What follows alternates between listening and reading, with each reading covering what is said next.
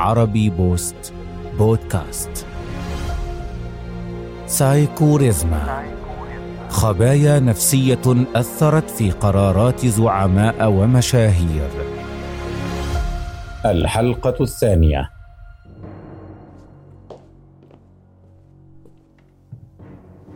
آه هذا المبنى الجديد أفضل. أليس كذلك؟ جديد أو قديم ما الفارق بين سجن وسجن؟ مطار بغداد لا زال يتسع لمزيد من السجون. يا سيد صدام لن يصل الأمر إلى هذا الحد على الإطلاق؟ إن لم تبنوا مزيدا من مواقع الاحتجاز فبإمكانكم تحويل مطار بغداد بأكمله إلى سجن عظيم. المنطقة الخضراء كذلك بالمناسبة. لماذا صيغة الجمع؟ أنا مجرد خبير في علم النفس. أجل خبير في علم النفس متعاقد مع المخابرات المركزية الأمريكية ضمن فريق استجواب صدام حسين. مم. والوحيد الذي لا زال يمكنك محادثته بالعربية وسط كل هؤلاء المحققين الأمريكان أعرف. آه ماذا فعلت بشأن مسودة روايتي؟ مر أكثر من شهرين. لا زلت أحاول في الأمر. لا زالوا لا يصدقون أن صدام حسين كان يكتب رواياته بنفسه. صدام حسين رئيس العراق في وقت العمل وكاتب روائي خارج أوقات العمل. تدري شيئا؟ رغم أن لدينا ملفا كاملا لتحليل شخصيتك يجري تحديثه منذ السبعينيات إلا أنه لا زال مفاجئا عندما نسمعه منك كل مرة أنك تعرف نفسك ككاتب حتى حين كنت رئيسا. لماذا كنت تكتب الروايات فقط؟ أنت عاشق لكتب السير الذاتية فلماذا لم تكتب سيرتك الذاتية؟ ومن قال إنني لم أفعل كنت أكتب سيرتي الذاتية كل يوم. في كل يوم كنت أصيغ سيرتي الذاتية. سيرة صدام حسين الذاتية هي تاريخ العراق. ألم يخطر ببالك أن هذه قد تكون نرجسية حين لا تتحدث عن العراق؟ كيف لا أتحدث عن العراق؟ كل ما أتحدث عنه هو العراق. لكني ألاحظ دائما واسمح لي أنك في كل مقابلاتك مع الأمريكان سواء الاستخبارات المركزية أو الضباط الفيدراليون تقول ارجعوا إلى تاريخ العراق أمامكم ألف سنة على الأقل وتكتفي بهذا. بينما في المقابل تكون مرتاحا أكثر بل ومستفيضا حين تتحدث عن نفسك. صدام حسين والعراق شيء واحد. أنا توحدت مع العراق وفي العراق وبالعراق. حين يتحدث صدام حسين عن نفسه فهو أيضا يتحدث عن العراق. سيرتي الذاتية هي تاريخ العراق في آخر خمسين سنة. وكي تفهم تاريخ العراق في آخر خمسين سنة عليك أن ترجع إلى تاريخ العراق منذ ألف عام مم. وماذا عن المستقبل؟ ماذا عن المستقبل؟ مستقبلك ومستقبل العراق؟ أنا أعلم أن هذا الوضع غالبا سينتهي بموتي لكن العراق لن ينتهي آه، إذا كان صدام هو العراق والعراق هو صدام فموتك يعني موت العراق العراق الذي كان على الأقل هذا ما تحلمون به أنتم. وأعلم أين تريد أن تصل بهذا المنطق. ما دام صدام يعتبر نفسه هو والعراق واحد فهو مسؤول عما ورط نفسه فيه وعن المصير الذي ورط العراق فيه. أليس كذلك؟ تقريبا. نحن الآن في أوائل 2004 انتظر 20 سنة وسيجيبك العراق بنفسه. أه سيد صدام لم أقصد أن أنغص عليك هذه المقابلة. التنغيص الحقيقي إنكم لا زلتم لا تفهمون صدام ولا العراق. طوال هذه الأيام تسألون الأسئلة الخاطئة. وصدام حسين يحاول توجيهكم إلى الإجابات الصحيحة رغم كل شيء. حسنا. دعني أصحح نقطة سابقة. كلامك يوحي لأول وهلة حقا بأنك شخصية نرجسية. لكنك لست كذلك. حتى وإن لم تأبه بوصفي لك أنك نرجسي. هذا أمر أكبر بكثير من كونه مجرد نرجسية. لكن لنعد إلى الجزء المهم. وجهني اذا للأسئلة الصحيحة. انتظرت هذا كثيرا. هذا دوركم أنتم. كان عليكم طوال هذه السنوات الخمسين أن تتنازلوا عن هذه العجرفة وتطلبوا. اعذرنا يا سيد صدام. ولكن اذكر لي مرة واحدة أثناء رئاستك أخبرتنا بالحقيقة. متى أعطيتنا أثناء رئاستك إجابة صادقة وواضحة ولو مرة؟ لا زلتم لم تفهموا بعد. ماذا تتوقع من رجل يحمي وطنا جريحا كاملا بكلماته فقط؟ يريده أن يعترف بأنه ليس لديه ما يدعى أعدائه المتربصين على تخوم داره طبعا كان لابد أن أخبركم وأخبر الجميع بخلاف الحقيقة. أي أعداء متربصين على حدودك؟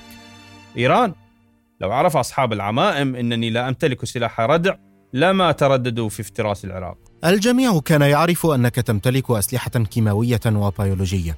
لم يكن الأمر بالدرجة الكافية وحتى في وجود ترسانة كاملة منها أنا قائد عسكري واستراتيجي وعلي أن أستكمل عناصر معادلة الردع وهل استكملتها؟ بالكلمات فقط بل وبالصمت. صدام حسين حتى لم يكذب حين سألتم عن أسلحة دمار شامل. كان لابد من ترك الاحتمالية مفتوحة. نعم ربما يكون لدي أسلحة دمار شامل. ربما علي أن أتخذ احتياطات توحي بأنني لا أريد أن يكشف أحد طبيعة هذه الأسلحة وحجمها. أماطل فرق التفتيش الدولية أعطلها ما دام هذا يرسخ الانطباع بأن لدي ما أخفيه. حتى ولو سيكون هذا سببا في حظر وعقوبات دولية؟ الحظر والعقوبات والجوع يمكننا أن نتحملهم. سيظل هذا أهون من احتلال إيران للعراق. أقل خطرا من أن يعودوا ويتجرؤوا على التدخل في مصير العراق. ومصير صدام. ومصير كل عراقي. هذا أمر لم اتهاون فيه طرفة عين. أحد أقرب مستشاري فيما مضى طالبني أن أعلن موقفا سياسيا أعترف فيه بخطأ حرب القادسية التي استمرت ثمانيه أعوام مع إيران. لكن لما واجهته بحقيقة الصورة أيقن بكارثية ما كان يطلبه مني وهرب راجعا إلى بلاده لأنه يعرف أن صدام حسين لا يتهاون أزاء أي خطر على مصير العراق. نعرف بقية القصة. آه، هل أنت الذي ضمنت أن يظل الأمر طي الكتمان؟ لم أحتج إلى ضمانات. توفاه الله بعدها بقليل. يعني لم يهدد بشيء؟ لم يقتل لأجل الحفاظ على مستقبل العراق؟ صدام حسين لم يقتل احدا. لم أكسر قط حدودي التي كفلها الدستور والقانون. ربما يكون حزب البعث قد فعل.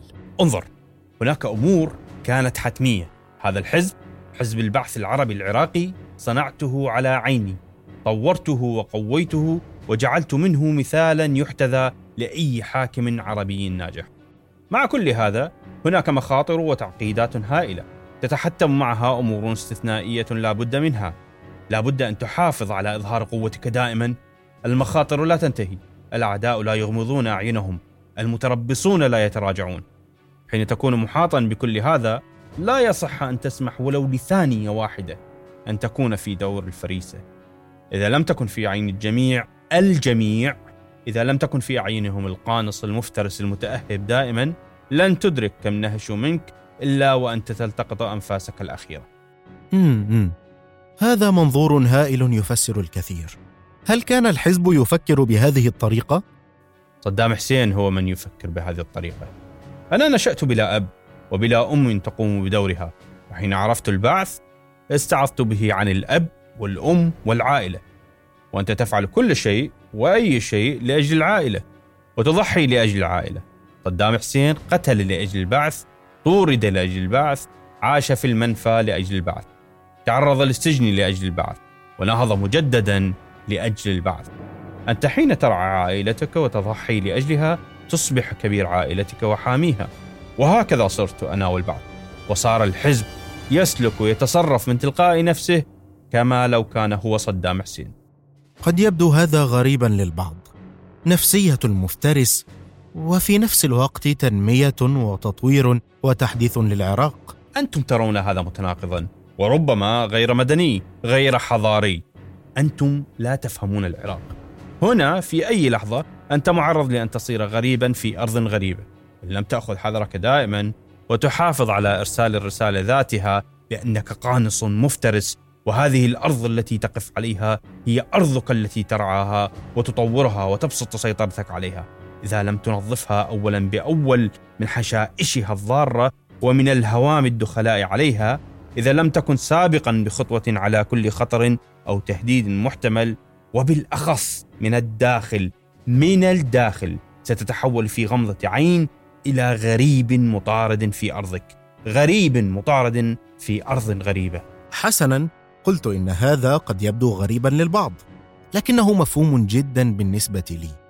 رغبتك العميقة منذ طفولتك في إثبات خطأ الآخرين بشأن جدارتك وإمكاناتك وفي غياب الأب والأم هي هي مشروعك في حزب البعث وإثبات جدارته الشاملة مع توحدك معه وإحلاله محل العائلة وهي أيضا ما يحدث الآن حيث تحاول توصيف الواقع الراهن أه ألم تسألني عن مستقبل العراق؟ حين أخبرك عن صدام وتفكير صدام أنت تحصل على إجابتك عن العراق ومستقبل العراق لكن كيف يفسر كل هذا ما وصلت الأمور إليه صادرتم الأوراق والأقلام وتسألني لماذ لم تكمل الكتابة؟ سيد صدام لم يخبرك أحد بعد برأينا في مدى جودة كتابتك الروائية. أليس كذلك؟ لا يعنيني لا أهتم. هل هذه طريقتك في التعامل مع الخوف من الرفض؟ رفض؟ أنا حتى لم أعرف رأيك ولا أهتم. من قبل أن تقوله أو تخبرني به. ستكون هذه إضافة قوية لملفك النفسي. سيد صدام هل ترى ما تفعله الآن؟ أنت تمارس أبسط حيلة إنسانية إزاء الخوف من الرفض. أن تستبق الرفض برفض. المحاولة البسيطة المعتادة لتأمين المشاعر من التعرض للجرح بسبب التعرض للرفض. صدام حسين لا ينتظر رأيك ولا رأي الأمريكان في أدبه وإبداعه ولا يخاف شيئا بحمد الله وقوته. أنتم أصلا لا تفقهون لغتنا ولا آدابنا ولا أي شيء. لا أحد ينكر إيمانك العميق بالقدر وتسليمك بقضاء الله وأداءك الفرائض. لكن هذا لا يتوافق مع ما كان يعتبره الجميع هوسا عاليا بالخوف على حياتك وتأمين نفسك بمجموعات حراسة فائضة عن اللازم. وتظنون هذا كان خوفا على حياتي؟ دعني أخبرك بما سيستغرق منكم أعمارا لتفهموه. صدام حسين لم يكن قد خائفا على حياته الشخصية. صدام كان مهووسا بالخوف على مستقبل العراق. كنت حارسا وأمينا على مستقبل العراق وضد إجهاض مستقبل العراق. ربما أكون خائفا من الرفض في لحظة ما لكنني أبدا لا أخاف على حياتي الشخصية. الآن تقر بالخوف من الرفض. نشأت في بيئة قاسية. ليس كل ما يحيط بك يطاوعك على مرادك. ليس كل من حولك يرون الأمور كما تراها أو كما تريد لها أن تكون. إذا لم تبادر بفرض ما تراه أو تمهد الطريق وتستبعد ما يعوقك وتطوعه لرؤيتك إذا لم تجعل خوفه من إبداء الرفض يسبق دائما خوفك. من تلقي هذا الرفض. حتى ولو تطلب هذا أن تضحي بما تحب أو بمن تحب حتى ولو كان صدام حسين نفسه وعلى عين الجميع. أوه لا يسهل توقع مثل هذه الأمور. أخبرتك تدري لماذا أحب الحديث عن نفسي؟ لأنها تكون فرصة نادرة أنتهزها لاستكشاف ذاتي. أعرف أنني لست نرجسيا. حين أتحدث معكم عن صدام أنتم تفسحون لي المجال أكثر كي أفهم وأستكشف أكثر من يكون صدام. هم وماذا يكون العراق؟ صورتك الذاتية أمام نفسك توحدت. ليس مع حزب البعث فقط ولكن مع العراق ذاته كأمة ووطن وربما كتاريخ. تعرف نفسك بالعراق وتعرف العراق بأنه أنت. هنا انت رفعت نفسك إلى مكانة لا زلت تحاول أن تفهمها وتكد في استكشافها لكن بطرق ملتفة. لا زال هذا الطفل الصغير بداخلك يتطلع إلى إثبات جدارته بما هو أكبر. لكن هذا مستوى من الجدارة يختلف عن جدارات طفولتك وشبابك. هذا مستوى أكبر منك بكثير. دعك من هذا. ما رأيك في شيء أفضل؟ سأمنحك التفسير الذي وظفوك لأجله. فقط إذا وعدتني بأن تعيد لي أوراقي ورواياتي. مم، سأحاول قدر استطاعتي. بل أريد وعدا قاطعا وأعلم أنك تستطيع. حسنا. وما سأقوله لك الآن يبقى خارج التسجيل. آه موافق. لك كلمتي.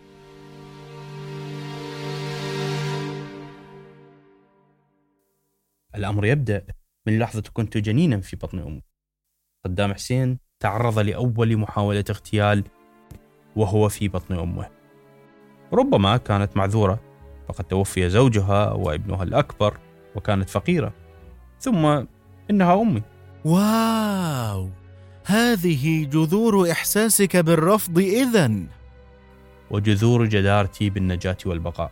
أخطأت أمي رحمها الله بشأني. وقررت إجهاضي لكني نجوت وأثبتت خطأها بشأني وواظبت على النجاة كل من أخطأ بشأني كنت أستبقه إلى إثبات هذا الخطأ كيف؟ تدري كيف؟ عبر غرائزي أنا منذ بدء هذه الجلسة أناور وأراوغ وأقدم لك ما تظنه كافيا في جميع الأحوال لن أمنحكم أكثر من ذلك لكن هذه غريزة القانص من الضواري حين يقع تحت الحصار. تتحدث بصيغة المتكلم الآن. هذه الغريزة كبرت معي حيث لا وجود للإحساس بالطمأنينة والأمان. بسبب تقصير الأم يفشل الابن في تطوير شعور اجتماعي يعيش به.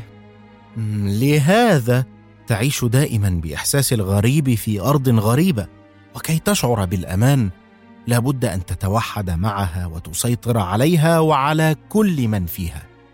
طورت أساليبي الخاصة وتمسكت بها. سأسمح لك أن تسجل هذه النقاط فقط. سرعة التكيف والتعلم الافتراس القسوة المحسوبة الصلابة والتلاعب. كما كنت تفعل معي طوال اليوم. تريد أن ترى التلاعب حقا؟ راجع كيف حولت كل شيء حولي إلى رقعة شطرنج هائلة. وكنت وحدي من يعرف قوانينها ويحرك قطعها ويحدد صلاحيتها و... ماذا؟ تظنني كنت أعاقب العراق؟ تعاقب العراق. أعاقب العراق. تخلت أمي عني. وقبلها مات أبي وأخي. أسرتي كلها تخلت عني. لما كبرت صار البعث عائلتي وكل العراق. وفي قرارة نفسك هناك عائلة لا بد أن تعاقب. فعاقبت العائلة الخطأ ثم عاقبت نفسي على هذا الخطأ. مم. عاقبت نفسك؟ عاقبت العراق. أعطيتني وعدا أقلامي وأوراقي. يبدو أن جلستنا لهذا اليوم قد انتهت يا سيد صدام.